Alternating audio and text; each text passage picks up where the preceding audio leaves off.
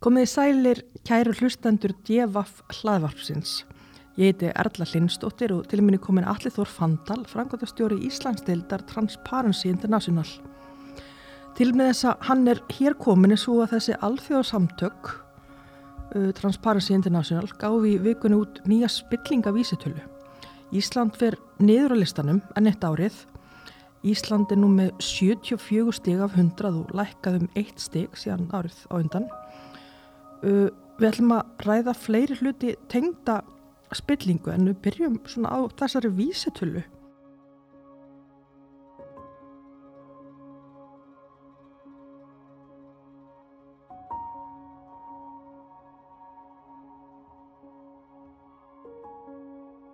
Verður velkomin allir. Takk, takk. Uh, getur þú svona aðeins útskýrt fyrir mér hvað, hvað, hvað þessi spillingavístala er? Já, um, þetta er kallað spillingavísitala á Íslandi en heitir Corruption Perception Index og mælir ásýnd og upplifun spillingar í ofinbæra kerfinu. Um, og það er bara svona eðli spillingarsvaldið að þetta eru, þetta eru verknaður sem að þeir sem fyrir honum standa eru vilja nú almennt ekki að, að það sé í dagsljósi. Þannig að það er engin leið til að mæla sko spillingu bara absolutt. Heldur þarf að fara þessa leið að mæla svona upplifum fólks á því og, og traust og, og svo ímsa svona þætti hvort að varnir sé í lægi og hvort að lagaraminn sé hérna getur tekist á þetta og, og annars líkt. Uh, og þessi vísitala er unnin af samtökunum úti uh, Íslandsdeildirinn kemur ekki að úrvinnslunni eða nokkur deild. Uh, og hérna og er unnin úr gagnasöfnum.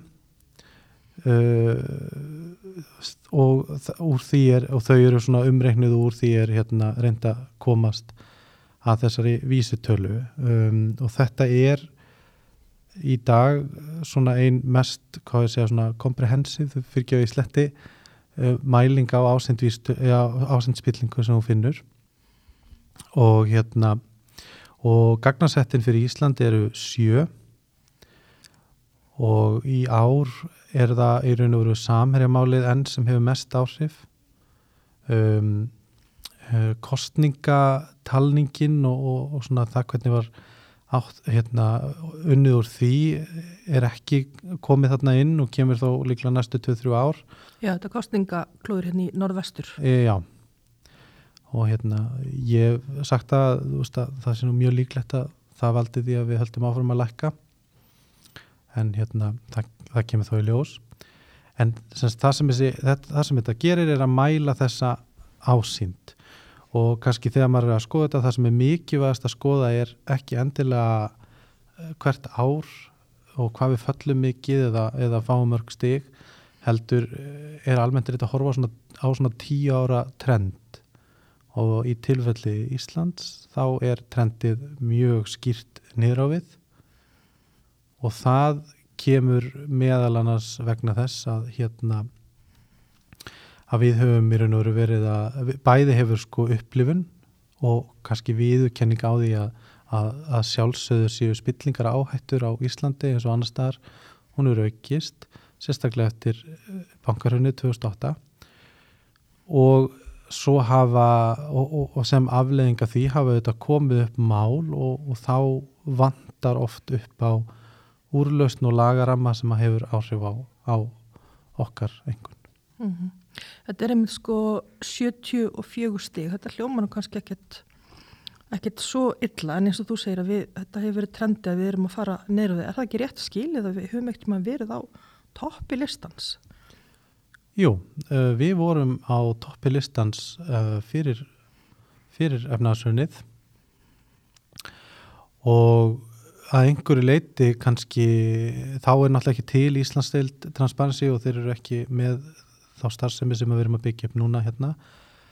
En uh, að einhverju leiti var líka svo niðurstaða tekin og nýtt til þess að, að blessa spillingu því miður og það er eitt af því sem að við höfum náttúrulega, það er ástæða þess að við leggjum okkur svona mikið fram hérna á Íslandi við að tala um hana og hvernig þetta er unnið og svona vegna þess að það var svona þeir sem höfðu hagsmunni að gæta, þeir töluðu eins og það væri bara hérna einhver stóra alþjóðarsamtök búin að votta að það væri engin spilling á Íslandi en hún mæli það sjálfsögð ekki. Um, og ein ástæða þess að lönd eins og Ísland, þetta var nú ekki einstæmi, komu vel út og ef til betur en það átt að gera var að vegna þess að laga rammin og menningin var þannig að, að það var ekki unnið neitt sérstaklega að því að uppræta spillingu eða berja skegnin eða sækja þá til saka sem gera það eða komi vekk fyrir hana að þá auðvitað var tölfræðin þannig að þú veist, það hefði aldrei neitt verið ákjærið fyrir mútubrót, uh, það hérna voru enga rannsóknir í gangi og, og svona og tölfræðin auðvitað sem sagt skektist auðvitað því og eftir að það var ljóst þá var aðferðafræðinni breytt og aðferðafræðinni í þessu er breytt um, til þess að takast á við svona villur sem að þeir finna. Já. Þannig að þetta er rauninni á mjög stuttum tíma sem að við erum að fara, að fara niður. Það er rauninni þegar, já, þegar byrja að fara yfir þessa hluti hér af, af einhverju alvöru. Þannig að það er kannski að segja að við hefum bara verið svo sveit og hérna áður að, hérna, við hefum komist upp með að láta eins og að það var engin spilling. Fólk náttúrulega trúðu því í alvörunni.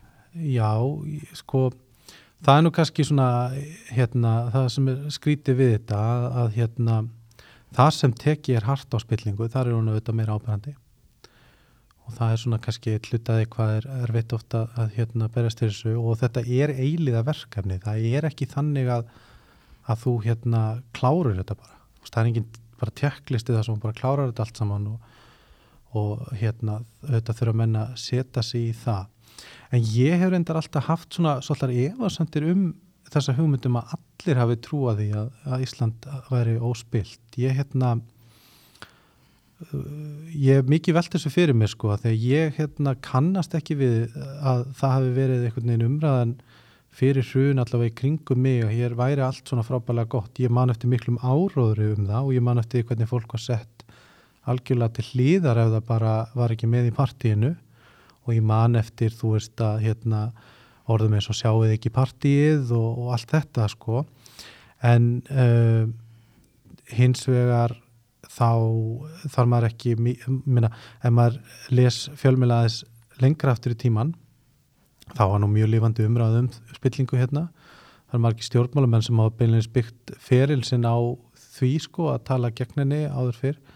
En þetta var, það voru gríðarleir hagsmunir þarna uh, og þetta er náttúrulega bara svona ákveðin bara valdataka á aturlifinu, bara í, for, í formi sko aturlifum og fjölmjölum og, og hérna, stjórnmálum, bara í formi starðar ekki, ég er ekki að meina þá að menn hafi sest niður og, og hérna, reynda skipulega geta eða þú veist ef enga, enga ástæð eða enga sannanir fyrir því. Það sem ég er að meina er að öll svona hlutföll og valdarhlutull í samfélaginu skektust rosalega á þessum tíma og samfélagi var bara svolítið svona fjármaksvætt það var einhvern veginn þannig að að þú varst að tala fyrir einhverjum verðmætum sem ekki verið að selja á, á hlutabröðumarkaði þá, þá svona mætti mannum sko efu um að það væri þá raunverulega verðmætti sko, ég menna ef markaðurinn byrjir ekki um þetta þú veist þurfuð þá að halda. Það var svona, svona hín hlýðin á hérna ef það er ekki til í kaufélaginu þá þarf ég þess ekki.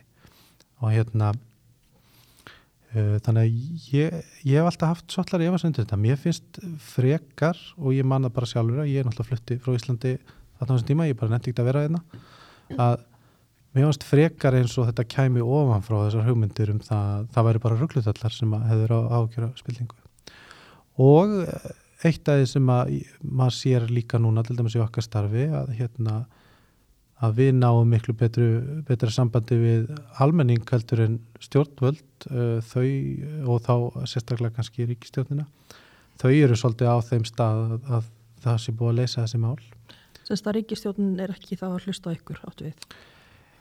Já, ég segi kannski ekki hlust ekki sko en, en þú veist það er ekki það er ekki raunveruleg menning þarna innandir að vilja takast á við málinn.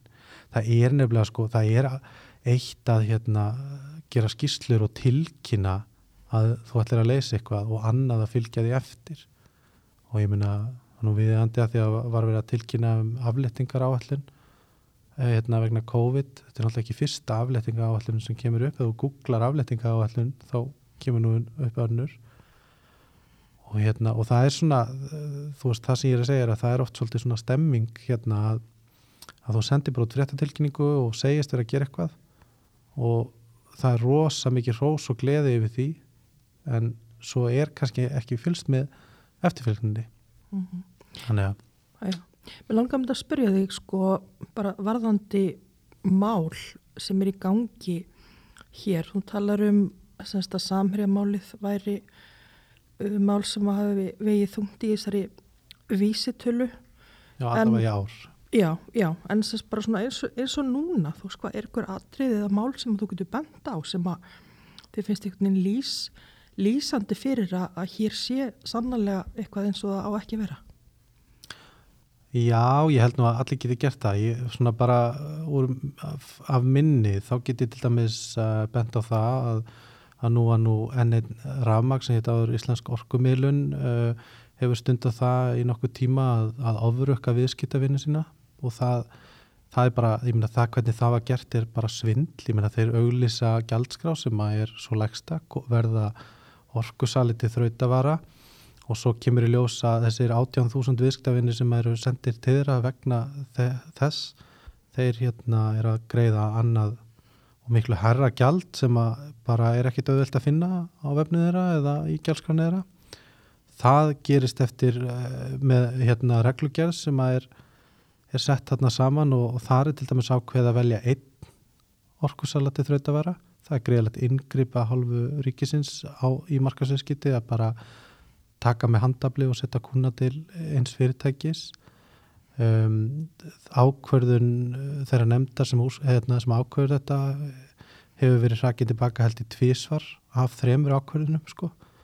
Um, og hérna og svo einhvern veginn uh, er eftirlitið svo lítið að það er ekki fyrir að bara einhver fattar þetta bara í reikningnum sinum og, og þetta verður til umfjöllunar fjölmjöla sem að bröðist við í því máli vill ég þó segja að það er alveg verðt að, að rósa því að, hérna, að það var bröðið svolítið hratt við eftir að málið kom til kasta fjölmjöla og, og, það er náttúrulega svolítið óvænt. Uh, við erum með hérna, samirimálið sem er náttúrulega rísa vaksið alþjóðlegt spillingamál. Það er ekki bara stórt mál á íslenska mælikvara þetta er rísa mál og það eru núna hvað tvö á liðin og við erum ennþá ekkit alveg viss hvað er verið að gera hérna á Íslandi.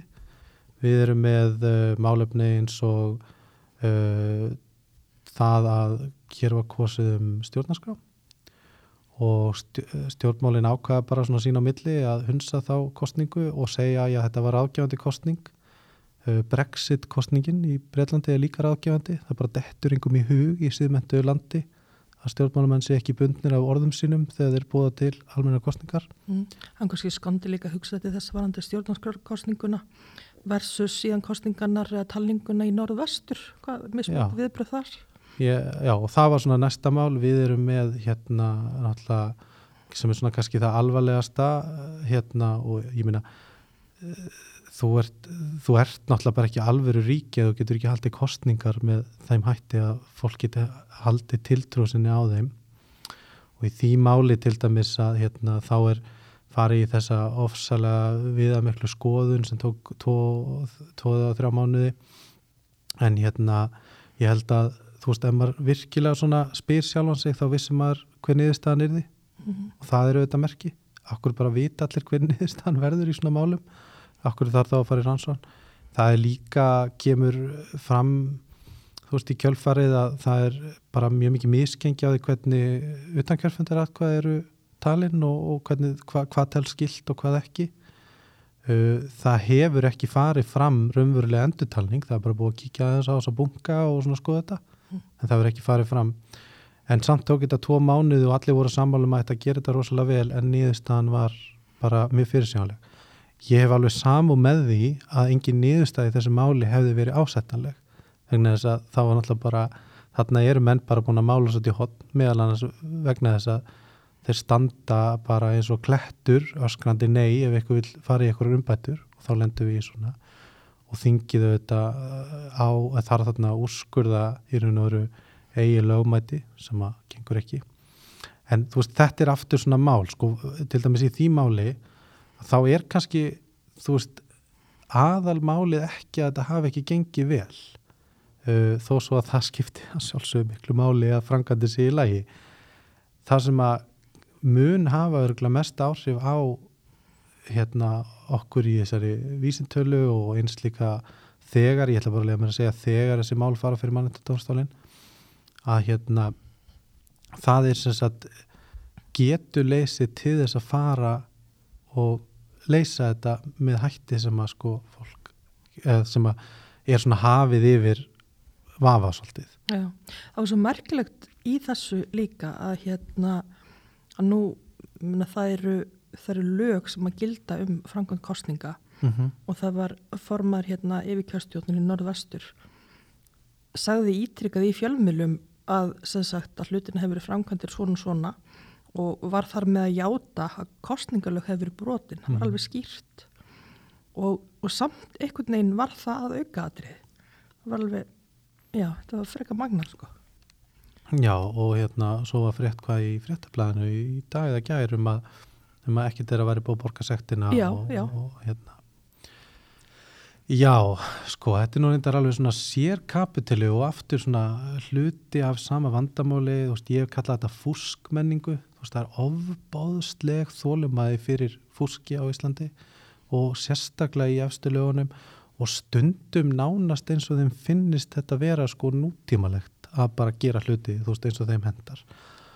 Um, og ég, hérna eins og örgla flestir aðri sko átti stundum ekki, bara gafti stundum yfir hérna ummælum hérna hans hérna á Norrlandi vestra það var stundum eins og maðurinn væri viljandi að reyna að grafa undan kostningunum sko, þetta var svo fáralegt en það sem að kannski ég tók út úr þessu er annað enginni hérna íslenskra stjórnmála og svona stjórnsýslu er að það er rosalega skrítið hvað er mikið svona bara stemming fyrir því í stjórnmálum og hjá stjórnkerfinu að sko að bara svona, svona stemmingin í mötinu hjá þeim, eitthvað sem þau eru bara búin að ákveða. Bara trombi lög, já þú veist það er alltaf hefðir þú stundum. En þú veist það er líka stundum bara lagabóstaðu sem þarf að fara eftir. Og þess til ekki að það er alltaf mjög skýrt. Og hérna ég hef verið svolítið svona gáttar á þessu og ég hef haft gaman að ég að nefna sko landstóm sem dæmi um það. Nú hafa stjórnmálinn komið sér saman um það að þetta sé mjög skítu og óhreinleið. Og þess vegna ætlaði bara ekki að, að gera þetta og hérna ætlaði ekki að virkja hennan dómstól aftur. Þetta hafa verið svo erfitt síðast og, og einmitt mjög vond fyrir stemmingunni í mötunni til þingsins. Og og það ekkert nefn bara ríkir algjör sátt um þetta. En þú veist landstómur er beinleginnins nefndur í stjórnarskrani og krafan um lögum ráðarábyrð og lagabóstarinn er mjög skýr. Stjórnmálinn get ekki ákveði bara að þetta sé eitthvað sem að sé ekki til ég er ekki að segja að stjórnmálinn get ekki ákveði hvernig þau nota þetta og annars líkt sko. Þó að það ætti nú reyndar að vera í svona samræmi við lögin.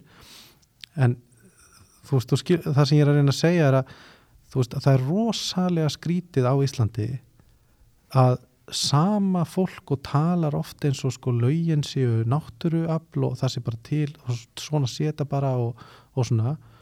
Og mikið sko svona lögfræði menta fólk svona sem að hérna er svona íhaldsamar í kantinum sem að lætu sko eins og laugin séu hafin yfir allt en samt geta menn bara einhvern veginn svona komið sér saman um að þú veist þetta sé bara svona.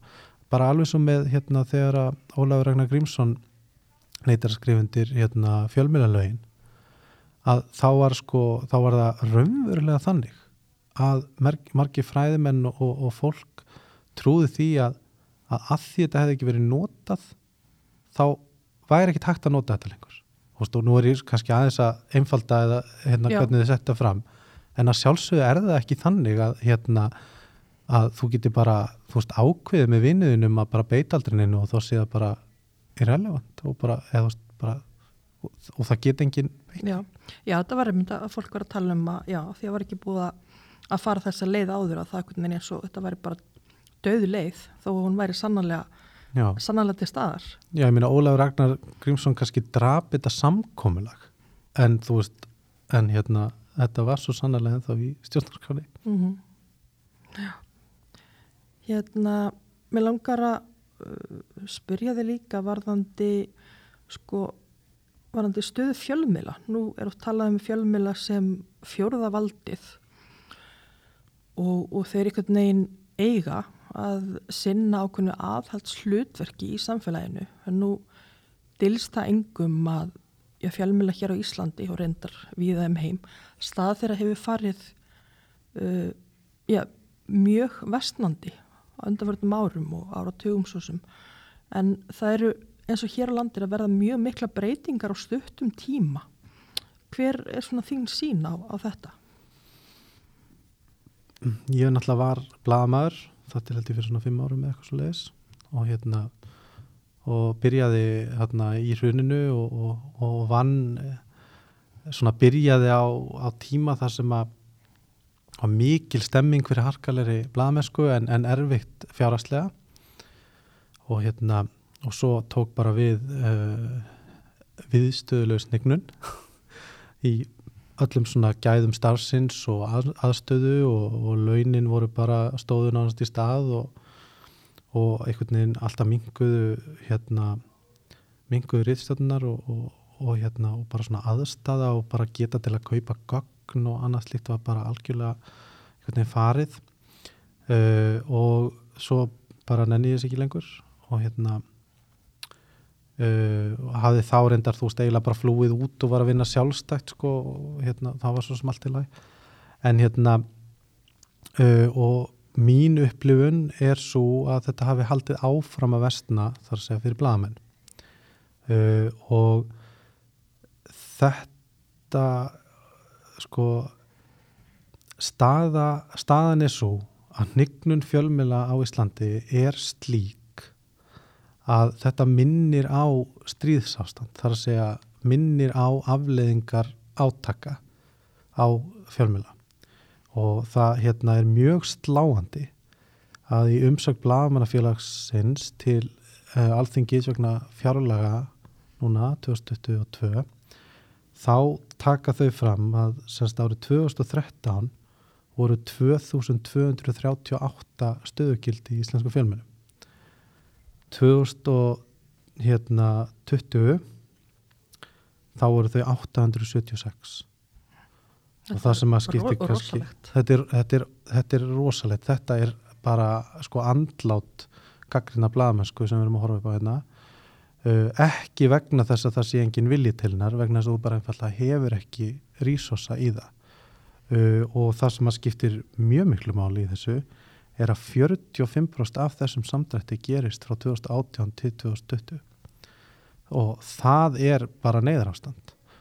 Og, og þá komum við inn í aftur að hérna vanandi stöðu fjölmjöla að þá er það þannig að Ísland mælist almennt á pari með Norðurlöndunum í svona flestum sameilum hérna uh, mælikvarðum og hérna og það eru samabörjulöndin okkar og það er hérna, það er algjört eh, bara, það er bara nonsensical blaður þegar fólk er að fyrir að tala um sko, þú veist að við séum einhvern veginn í meðaltali, þú veist ef við tökum hérna Suður-Európu með í innkomu og eitthvað svona, þú veist, það er bara þú veist bara að drefa málun á dreif, okkar samabölalönd eru Norðurlöndin og Norður-Európa og svo bandarækinn um, og við mælumst illa í spillingavistölunni við mælumst látt þegar kemur að frelsi fjölmjöla við erum ekki að para með Norrlandunum þar. Og svo hérna var frettablaðið held ég fyrir að fjalla um, sendi fyrir að fjalla um að, að sagt, við erum mælumst mjög látt þegar við gerum konun á tiltrú sagt, almennings á því að, að hérna ráðið sé eftir getu þeirra reynslu, mentun frekar heldur en hérna tengsla og, veist, og, og ég skil alveg að fólk hérna haldi þetta því að, eða finnist þetta því að hérna Ísland er bara land þar sem ert alltaf að keppa við að vera frænd einhvers og það er bara mjög erfitt Já, þú ert að tala um ráningar bara eins og í svona áhrifastöður í samfélaginu. Já. Já.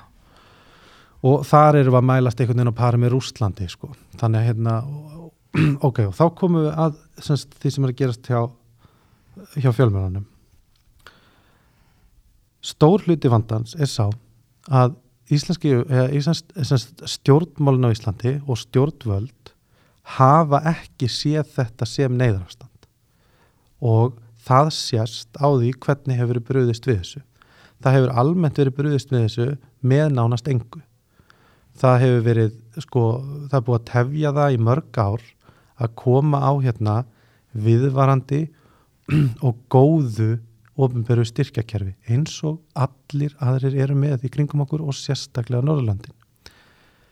Uh, það, hérna, Ísland hefur ekki sint, og þess að ríkið hefur ekki sint til dæmis hagsmunagæslu íslenska fjölmeila gagvart Facebook og Google og þessum rísum þegar önnulönd er að gera það.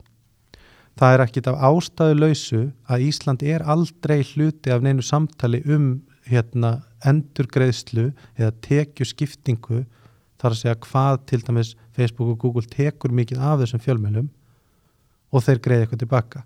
Það er ekki ástæðuleysu að íslenski fjölmjölar er ekki inn í Google News Initiative sem er rísavaksinsjóður og það er ekki ástæðuleysu að það er aldrei neitt samtal við Facebook um það hvernig þeir ætla að greiða hérna fyrir, hvernig þeir ætla að koma til móts við það að þeir eru að drepa hérna fjölmjöla. En eins og Norðurlöndin, eru þau í þessu samtali? Já, minna almennt er bara Evrópa í þessu sam samtali. Og það er verið að skoða ímsa möguleika og, og já, Norrlöndin eru inn í til dæmis Google News Initiative. Um, hitt er svo að það hefur ennþá ekki tekist að, að búa til neina stefnu um auglýsingakaup hjá hinn og vera uh, og það er alltaf talað um og þar til skýslir hérna um að þetta sé ekkit svo mikið sem hefur ombera sig að kaupa á Facebook og eitthvað svona og það glemist alltaf að nefna það að skekkjan í þeirri tölu er sá að þau geta bara að sé hvað er beinlýnis verið að borga með sko greiðslukorti stofnanina en hvað er keftíkinu byrtingahús kemur út eins og innkaup hér á landi.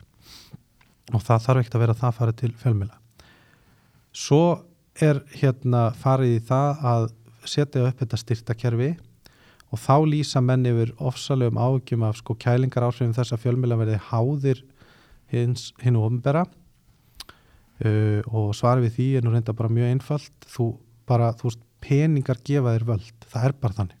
Þú ert aldrei frjáls og þú, ef að þú átt enga peninga og enga resursa til að gera neitt.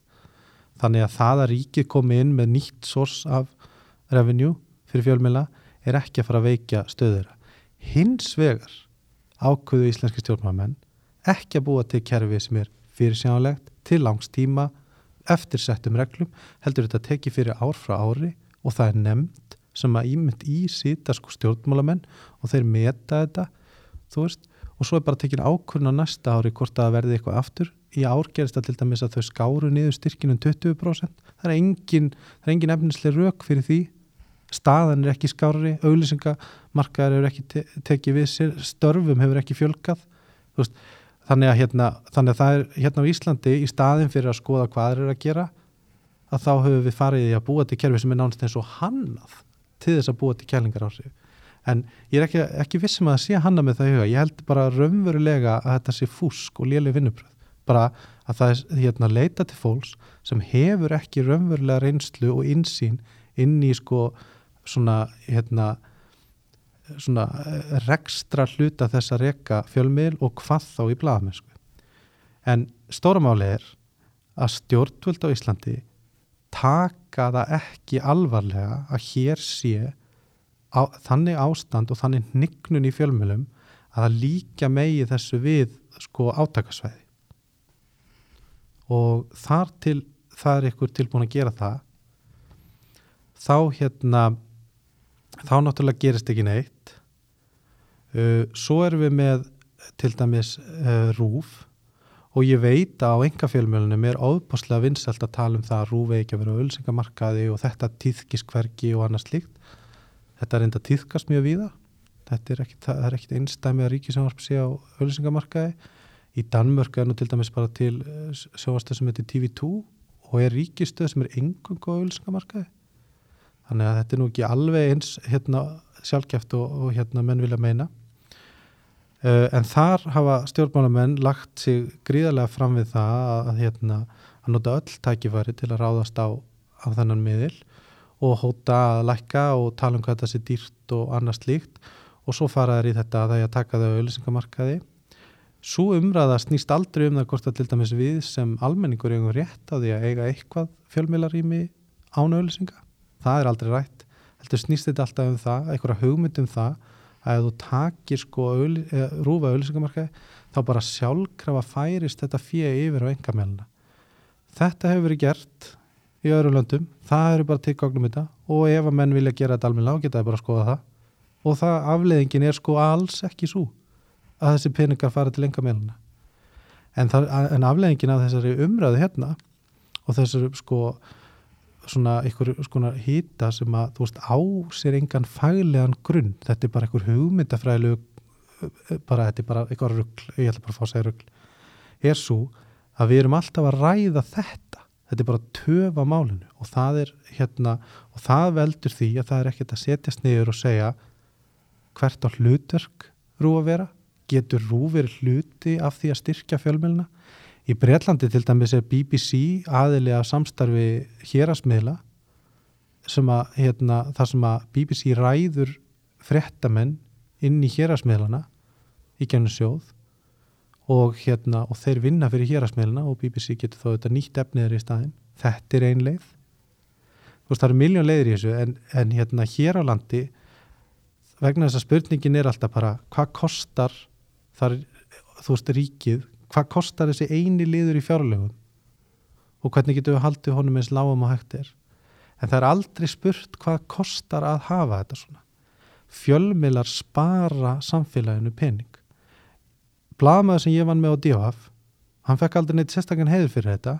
Hann skrifaði fréttir og sparaði ríkinu 2 miljard þetta var 2010 eða eitthvað svo leiðis vegna þess að hann skrifaði um þetta þá var þetta komið vekk fyrir gjörning sem kost, hefði kostað ríkið og 2 miljóra.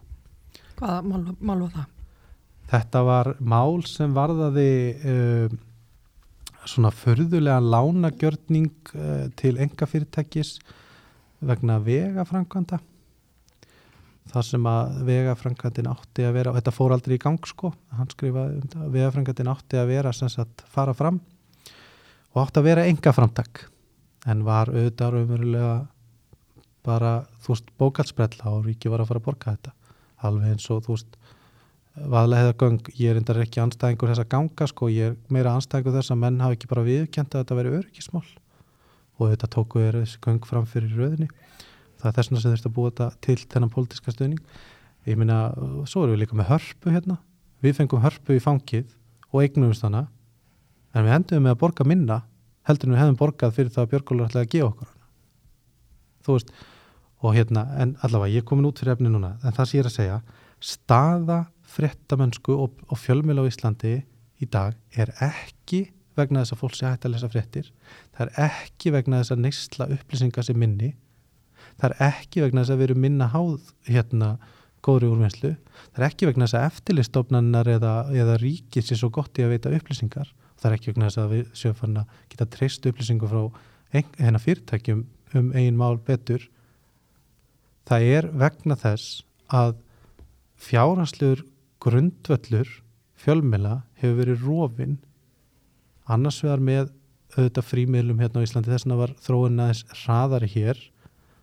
Og hins vegar með því að stóri raðilar eru farin að taka taka til sín ölsingakökuna og svo er alls konar svona minni þættir að, veist, eins og til dæmis það að það er miklu auðveldara núna að, hérna, að koma efni út það borga sig miklu meira að búa til efni sem hjálpa þær að selja orkudrykki heldur en þú veist, frettaðum fjallanir það er líka ódyrra og svo hérna gleimist nú líka bara alltaf sá sko, þú veist, sem er algjörlega ótrúlegt að hérna íslenska er pínu lítið pínu lítið málsæði og það er bara það er bara eitthvað svona störtlun að halda að við getum reiki hérna eitthvað hreinrægt að markaskerfi í, í fjölmjölum fyrir utan hvað það er sko léleg þekking og sögu svona hérna ökonomíu þess að reka fjölmjöla bara í heiminum ekki bara á Íslandi að hérna að þá bara virkar það ekki.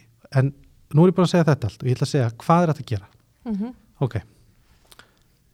Sérstakki styrki fyrir rannsóknarblæðamennsku sem blæðamenn geta sjálfur sóttum það er einleið sem er þetta að gera endurgreisla á, á virðisaukaskatti til dæmis sem hefur verið gert hérna uh, og, og kostnaði eins og, eða, sérst, og þessi endurgreisla eins og við að gera einnaði en það þarf að gera það stabílt og til langstíma ef þú gerir það ekki stabílt og ekki til langstíma þá ertu að búa til tæ- tækifæri til pólitískra kælingaráhrifa það þarf að búa til almennlega nýsköpunarsjóð fyrir íslenska fjölmjöla. Það verður að gera það vegna þess að ég er ekki að reyna að gaggrina fjölmjöla hérna en ég hef verið það heppin að starfa á fjölmjölum annar staðar og það er sláandi að fjölmjölur á Íslandi eru reknir eins og pilsusápur en erlendis eins og þekkingafyrirtæki. Og þetta er bara gríðarlegu munur að þessu. Og ein ástæðan er svo að það er ekki semst, þú, það, það er erfitt að búa til fjárhagslega kvata til nýsköpunar á markaði sem er bara, þú veist, raunverulega bara ber ekki svona hefbundin mótil vegna smæðar málsæðisins. Það er líka hægt að fara að sjálfsögðu og er fyrsta skrefið að fara í komplett heilstæða stefnu og reglur um hvernig, hvernig auðlýsingar eru giftar og áskriftir fyrir nokkrum árum var til dæmis byrt hérna, svar við fyrirspöldin hjá þinginu um áskrifti sem þingi borgaði. Þar kemur í ljós að þingi var með tvær áskriftir á stundinni sem þau dreifði á milli þingmanna. Þetta er náttúrulega sko ótrúlegt skilningsleysi á virði efnisins fyrir utan það að vera bara höfðar þetta blótt og stuldur. Þú bara gerir þetta ekki og þingi sig að gera þetta. Þetta vætti enga. Þannig að áskriftir og auðlýsingar reglur um hvernig þetta er gert en ekki bara þú veist að byrta ykkur að skýslu einu svona árið þannig að sé eitthvað svona gagsa í þessu uh, og Það var á saman tíma, er það ekki ykkur miklu meiri fjöldi af áskriftum til dæmis á mokkanum, maður það ekki? já, það er svona raunin að mokkin er keftu mikið Já. svo þarf að ákveða hvaða kvata við viljum íta undir það er til dæmis einn ókostur við kerfið sem var búið til núna. Það eru engir faglegir kvatar í þessu. Þetta er allt bara eitthvað svona, verður að hafa þetta marga starfsmenn og koma út þetta oft og eitthvað svona, en hvað er það sem að ríkið er að reyna að styrkja? Og það er til dæmis vilju við að mentun mentunastipla mann sé herra vilju við að reytisjóðna séu dreifðari? Þú veist, hérna vilju við að hérna, passa það að það verði ekki atgerðisflótti úr fjölmjölum eru við að reyna að íta undir líðræðislutverkið þú veist, það er engin svona hugsun að baka þetta og ég vissum að eitthvað segir núna, jú við hugsaðum rosa mikið um þetta en bara raunin er svo að það er ekki svona. Og hérna, þannig að þetta eru svona nokkra tilhör sem að ég nú bara talið upp hérna bara eftir minni og hérna, þú veist, og þá spyr maður sig, þú veist, eru menn svona lélegir, er þetta svona, þú veist, eða er bara stemmingin ekki svo að þetta sé alvarlegt? Og ég ætla nú að segja hérna henni Lilju svo sem til varnara hún hefur nú aldrei sérst að færa fórnir fyrir þessari baráttu sinni. Þó að ég sé ekki ánað með niðurstöðuna en þú veist, það var rosalegt að horfa upp á það. Þannig að hérna þetta eru svona nokkur hlutir. Og svo er bara þú veist, alls konar leka síðu vandamáli eins og hvernig sko íslenski fjölmeilar hafa einangrast kollegum sínum erlendis ég meina dæmum eitthvað sem var gert að það er þegar að hérna, Íslendinga fara með eitt skipti sem Íslendinga fara hérna, með stjórn í Norrlandaráði þá eru blagamannastekki í Norrlandaráðs lagði niður þú veist um, svo þú veist er og þú veist, en þetta er svona tæknilega atrið en bara bottom line er þetta ef að, ef að okkur er alvara um að það sé þörf á fjölmjölum og þessi hluti að eftirliti samfélagsins og ég meina það er bara fakta. Þú veist, þú getur ákveðið hvort þú finnst það mikið veit ekki en það er bara þannig samt að þetta er það sem fjölmjöla gera. Þá þarftu að grípa til raunverulega aðgerða og þú þarfst að vera tilbúin að horfast í augu við það að kostnaðurinn af því að þetta sé í hnignun er það mikill að það, það þarf að koma inn með stöðning Mm -hmm. Fyrir ekki að hvað var langorður en þú veist þetta er alveg fáránlegt að horfa upp á það Já, já. og ég meina nýjasta dæmi að það var ekki þú veist hvað, sótt ekki nógu margir um í hérna mestarnám í blaða og fréttamennsku Já. Þú veist, ég meina það er líka annað sem að maður er að horfa upp á núna og meina, allir sjá sem að hafa áhuga á fjölmjölum það er sko atgerðisflóttin er svo gigantískur við erum náttúrulega búin að fylgjast mest kannski með því sem er að gerast á rúf og hérna og þar sko er bara, er fólk að flýja beinlega sem er það bara augljóst.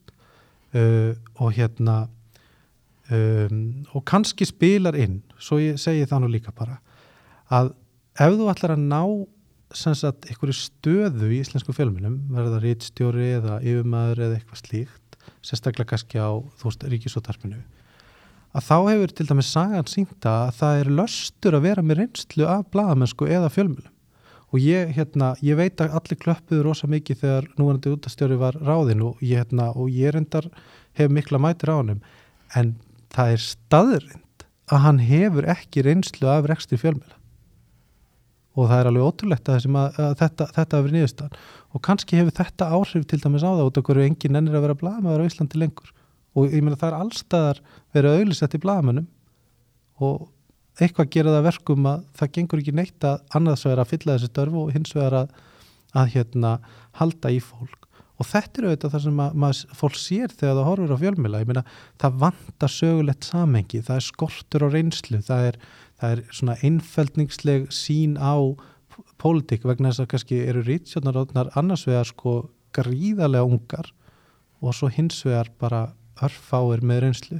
Þú ert náttúrulega manneski með reynslu og, og ég þreytist nú aldrei á því að segja þegar við hittumst að, að hérna, svo að það sem þú sagt að við hittumst stundum að hérna að þú sett, heim, heimsmet hafi að leggja ríki, eða leggja nokkuð þjóðríki í tjáningarfræðsmálum fyrir hérna, mannhættadónstála Európu en hérna það, en þú veist það, kannski hefur þú meiri insinn í þetta en þetta er það sem að sér að þú ert annars vegar með fólk sem er með gríðalega reynslu og það er bara orðið mjög hérna, fámennt.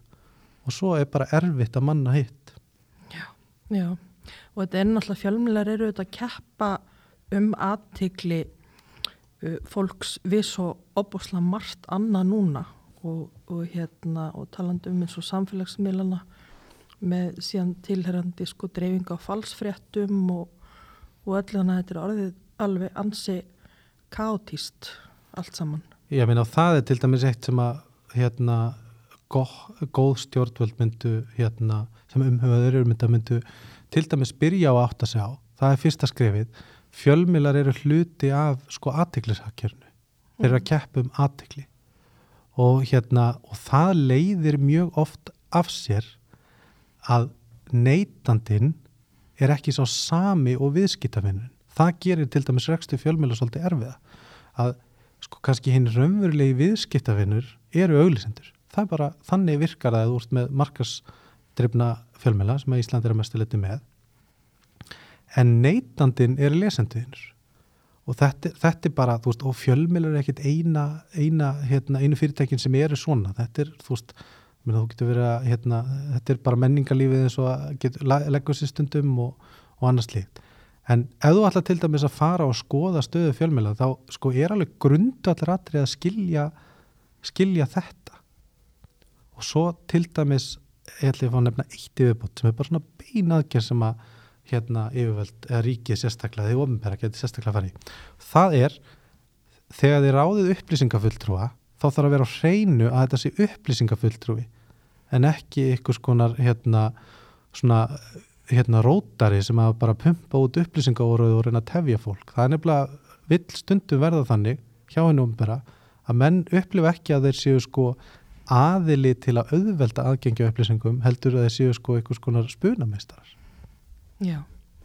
Og talma, talma upplýsingarna eða vel frekar frá almenningi. Já, ég fór einu svona á námskið í upplýsingarétti sem bladamæður og við vorum hann að tveir bladamenn og ég held að það verið svona 90 embætsmenn, það var nú fyrir embætsmenn og það var einmitt mjög fyndi á því námskiði að hérna að alla spurningarna snýrst eða um það hvernig var þetta neyta bladamennum um upplýsingar og það endaði þannig að, að, að hérna kennarinn sem að setna var nú reyndar nei, ég man ekki hvað hann að gera núna. En hérna, kennarinn þurfti sko eða svo sem var að kenna þetta þurfti að, að bara minna fólk á það að tilgangur upplýsingalagana væri að auðvelda aðgengja upplýsingum. Mm. Ég var nefnitt bara hérna í gæra að fá svar frá ákveðinu ráðuniti sem ég sendi sem sagt nokkru spurningar sem ég beindi til sem sagt ráþera og vildi fá bæði mann hvort skriflegt svar eða símaviðtal og ég fekk síðan svar, sannlega svar og í, með mörgum, mörgum, mörgum orðum nema að það var náttúrulega ekkert öllum spurningunum svarað og það var enginn skrifaður fyrir einu sinni svarinu. Þetta var sérst bara póstur frá ráðunittun. Það var ekki einu sinni upplýsingaföldrú eða mm. neitt starf sem var skrifaður fyrir þessu. Að þetta var rosa, rosa ja. skrítið. Og þarna kemur náttúrulega þessi sko, menningarinn að stjórna sko, aðstæðum veist, ég menna ef að þú býður um viðtal Uh, er þetta fréttin sem þú byrtir í morgun svar, eða var ekki morgun svar ráðanættis við jú. þessu máli á Ísafjörði? Jú, og ég skrifaði inn í líka að það veka aðtegla því að ekki er öllum spurningum svarað. Já, sko það er endar mál kannski sem hefur ekki vakið mikla aðtegli og er flott mál, þannig að hafa mikið með það, en hérna en þetta er hérna þetta er ótrúlega svona kvimleitt sko vegna þess að það er stundum eins og það sé eitthvað svona hópur fólks hér á landi sem að, og ég er alltaf að taka bara almenning sem hefur ekkert með upplýsingargjöf hins og vera að gera út fyrir sögja algjörlega hérna og er ekki að gera handsekan með þessu sem að sko bara raunverulega telur að umbúðuna séu innihaldið og maður sér þetta stundum þú veist í þessum yfirgengilegu pakningum og hér eru byrtar einhverjar powerpoint uh, glærur sem sko rísavægsi stefnuplagg. Og þú veist, þetta er einhvern veginn svona og það er rosa fín grafík og eitthvað. Og, og, og þarna er einmitt þessi líkil sko að þegar þú ert í sko aðtilsakjörnu þá er til dæmis ódýrara að hérna setja bara fullt af flottum litum og, og hérna og hérna lítið af upplýsingum heldur en að vinna upplýsingar mm -hmm. Það er, er tventjana sem að maður langar að ræða við því áður en að við klárum, við erum búin að eiga hérna ágæti spjall. Annað þeirra er nú einmitt snýst um mál sem að almenningur hefur fengið ákveðin upplýsingur um í fjölumilum, en kannski ekki alveg, alveg nóg. Þetta er varandi útlendingastofnun og það er búin að vera mikið læta á alþingi líka á átökum bara stöðuna þar og, og hérna afgreðslu umsókna. Ég veit að þú hefur sterkar skoðanir á þessum máli. Já, ég skrifaði örstutta grein sem að mældir í dálk kílometrum. Já, já, örstutt, örstutt grein, það er hérna mikið rángnefni. en hérna, já, sko, í, í grunninn snýst þetta um það að uh, það hægt er að veita ríkisborgarétt á Íslandi, það er annars vega gert með stjórnvaldsákvörðun og þá sækir um það og það er útlendingastofnun sem sér um það og veitir það eftir hérna uh, skilurum sem eru í lögunum. Hins vegar er þetta sækja um og þetta er sérstökum umsókn að þingið taki umsóknina til afgræslu og veiti þá ríkisborgarétt með lögum. Það kerfi er eldra en hitt og á sér bara lagastóð, er bara held, ég held að það sé sjötta greinin og, og þingið gerir þetta.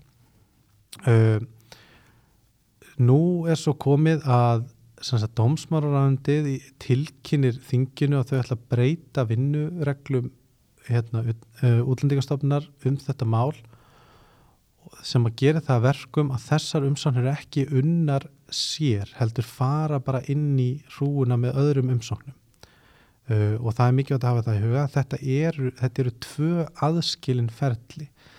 Uh, og þingið mótmælir þessu og bendir á það að það sé ekki hérna, stopnana ákveða hvernig þingið vinnir sín störf. Uh, og þetta semst hefur tafist núna í nokkra mánuði út af þessu.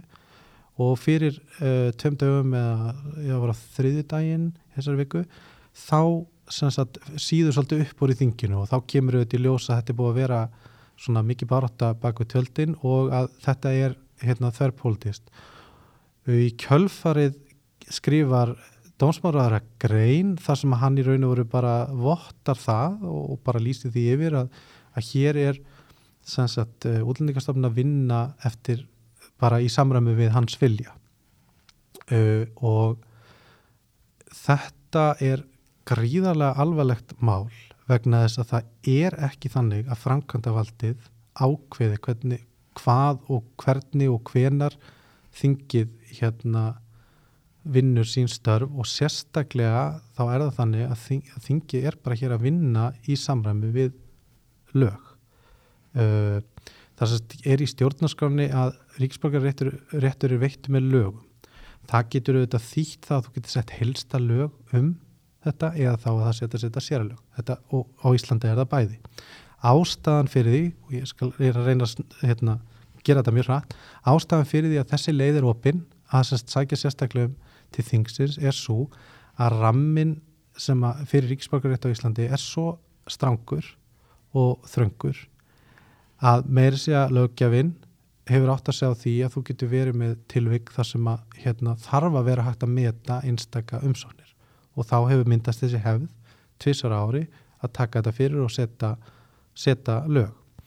Þú getur, þetta er vegna, þú getur verið að lenda í málum eins og til dæmis að aðila sem að, og það eru raunverulega dæmið það, aðila sem hafa búið á Íslandi árum saman, unnið hérna og sé fyrir sér en hafa ekki náð valda á íslensku vegna þess að þau eru bara ekki læs, fengur bara ekki skólagöngu þú veist, og þar lendi geta þau ekki uppfyllt skilir því stjórnsýslaðakurnar það eru líka dæmi um að fólk hafi til dæmis þurft að þykja fjárhásastóð þá fyllir ekki skilir því hérna stjórnsýslaðakurnar þú getur líka verið frá einum af þeim svæðum þar sem að þú getur ekki fengið fæðingavottorð getur ekki sanna uppröndin og þar leðandi uppfyllir ekki skilriði og svo, svo, svo framvegis og svo framvegis. Og pólitíkin í málunni er þessi að sjálfstæðisflokkurinn sérstaklega og miðflokkurinn enda líka en miðflokkurinn er nú valdalagsflokkur þannig að það skiptir yngum máli. Þeir hafa talað fyrir því að þetta sé óeðlegt þeir vilja meina að þarna sé verið að búa til einhverja VIP röð og alls konar svona bull sem er bara ekki rétt. Og þeir eru mótfallir þessari leið og hafa reynd að fá henni nekt, hafa tala fyrir því að fá henni nekt, en það hefur ekki tekist. Og þá er þetta það sem er gert núna, að það er búin til raun og aðferð til þess að hérna, tefja þetta svo rosalega og þingiði núna í þeim slagsmálum að fá gögg sem að þau eiga að fá og útlendingastofnun hefur lagaskildu til þess að afgræða. Þetta er ekki greiði að hálfa útlendingastofnun. Þannig að útlendingastofnun tekur við þessum umsóknum og vinnur umsögn og sendir áfram. Það er semst það sem þetta strandar á.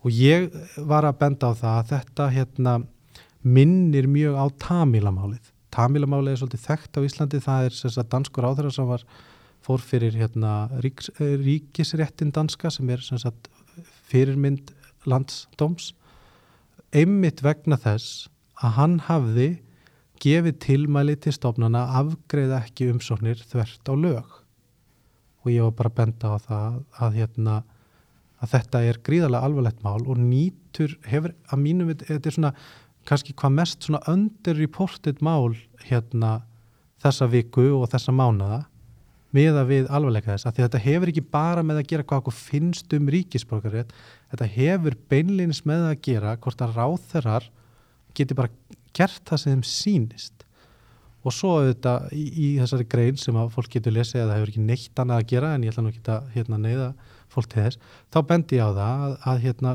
hluti af vandanum er sá að Jón Gunnarsson veit að hann hefur ekkert að óttast að hann verið dregin til ábyrða fyrir þetta því að menningin er svo að þú veist það bara saminast allir um það að, hérna, að landsdómur sé einhvern veginn of óhrinn að, veist, það verður aldrei komin inn til að um hvernig á að breyta því að neitt eftirlitslutverk í staðin eða neinn leiti þess að ganga á ráðherraábyrð heldur hafa menn saminast um það að nulla þetta út af því að það er svolítið erfitt að fara ekki ennum þetta ferli svona á móralinni í þinginu. Mm.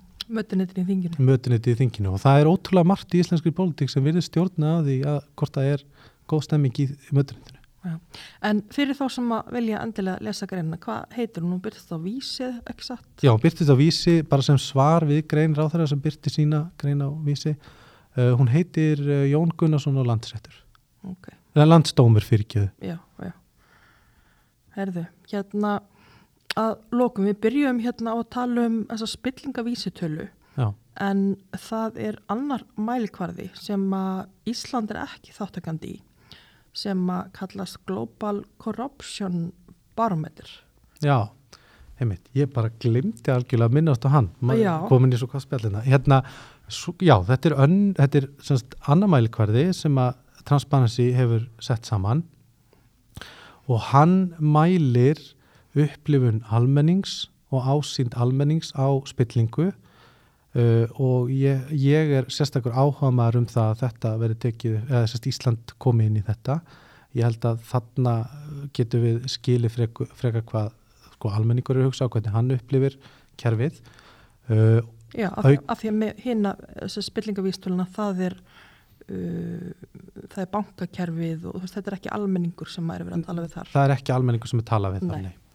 Uh, og uh, þetta er sem sagt uh, þarna til dæmis ef við förum með þessi við sko niðurstöðnar í heiminum þá til dæmis kemur í ljós í síðustu þegar síðasta mælingu byrt að einn fjórði íbúa heimsins hefur annarkort verið beðinum að greiða mútur eða þurft að greiða mútur síðustu 12 mánuði uh, það eru þetta mjög mismunandi svæðum sko hvert hlutallið er.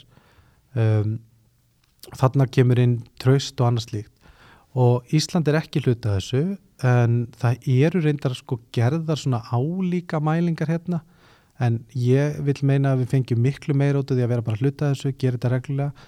En í grunninn er þetta þannig að til dæmis í fyrra voru 160.000 manns spurð skoðun sína á þessu út um allan heim og Íslandi er það þá í kringu 1000 aftur eins og, eða 1000-2000 eins og er hérna almennt með svona kannanir.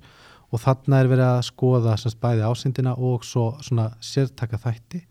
En það er til dæmis til könnun sem að maskina gerði um sko tröst og eða ásýndspillingar í viðskiptalegu fjölmjölum og stjórnmálum. Uh, það sem að þú veist uh, 70 og eitthvað prósent telur viðskiptalífið spilt og svona en, en hún er svona aðeins almennari en gefur okkur auðvitað vísbendingar og, og hérna það er til dæmis mjög áhugaverð vísbending þar að, að Ísland er svona mjög fragmenteri eftir sko í hvaða stjórnmálflokki það ert og á hvaða aldrei þú ert. Þannig þá til dæmis með þessum tölum getum við vitað uh, getum við fengið ákveðna vísbendingar um hvaða mál við þurfum að tækla vegna þess að spilling hefur auðvitað mismunandi áhrif á því eftir félagstöðu sko, ég menn ef þú ert ungur að hefja lífið þá er það miklu starra mál að ríki get aldrei ráðið með sko faglegum hætti eða, eða þú veist að þú upplifir að þú eir aldrei neitt séns heldur en eða þú ert svona meira establisherar.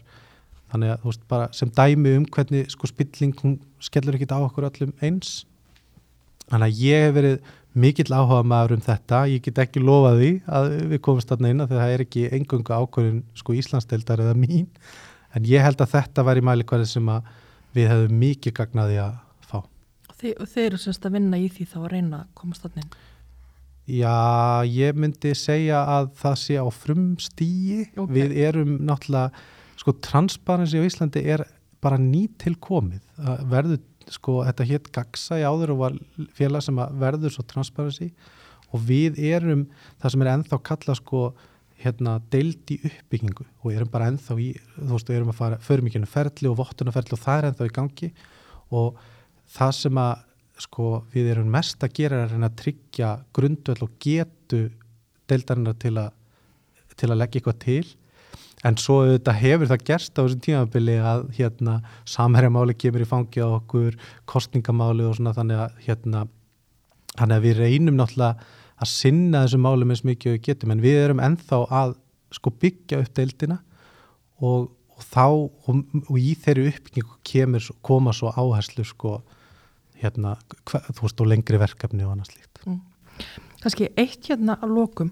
Hvaða þýðingu hefur það þessi breytinga að þú talar um að þetta var áður félag sem kallast gagsæi núna uh, er þetta hluti af alþjóðlegum samtökum hverju breytir það? Það hefur gríðarlega þýðingu. Það fyrsta lagi gefur okkur okkur bara traust og mikið aðgangi af upplýsingum og rannsóknum. Veist það er mikið samlegar áhrif að því að vera hluta af þessu. Það þýðir líka að við getum ræst stuðning uh, þá aðarskrifstofunar eða annara delta. Um, það þýðir mikið reynslubanka og það, hérna er líka auðvitað sko afleðing þess að, að sérstaklega baratangin spillingu er alþjóðleg. Og til dæmis Ísland er land sem að hefur ekki sínt nægilega mikið lit í að berjast gegn henni vegna þess að það hefur verið tiltrú á því að, spilling hér sé eiginlega ekki til staðar og ef hún er til staðar og ef við fáum sannins þá sé þetta svona einhver smámala þegar það sé alltaf stærri mál erlendis. Samverið málið er það stórt mála, ég held að það sé búið að afsanna það og líka bara gjaldröð til dæmis bankana, ég menn það voru stærri gjaldröð til dæmis sko Enron þannig við, þetta, þetta er ekki satt. En, en sérst, þú getur ekki barist einn gegn spillingu og það er raun og bara það sem við fáum út þessu. Við erum bara hluti af stærstu samtökum heims sem að hafa það hlutverk að berast fyrir heilindum, gagsægi og gegspillingu og það er bara miklu meiri slagkraftur í því heldur en að vera félag sem að þú veist verður til bara og er svolítið að vinna eitt út í hotni og ég er ekki að segja að gagsægi gert það, það hefur alltaf verið í samskiptu við transparency. Um, en það er það sem þetta snýstum Herðu, við segjum þetta gott, ég þakka þér innilega fyrir. Allir Þór Fandal, frangóðustjóri Íslands deildar Transparency International. Takk fyrir bóðið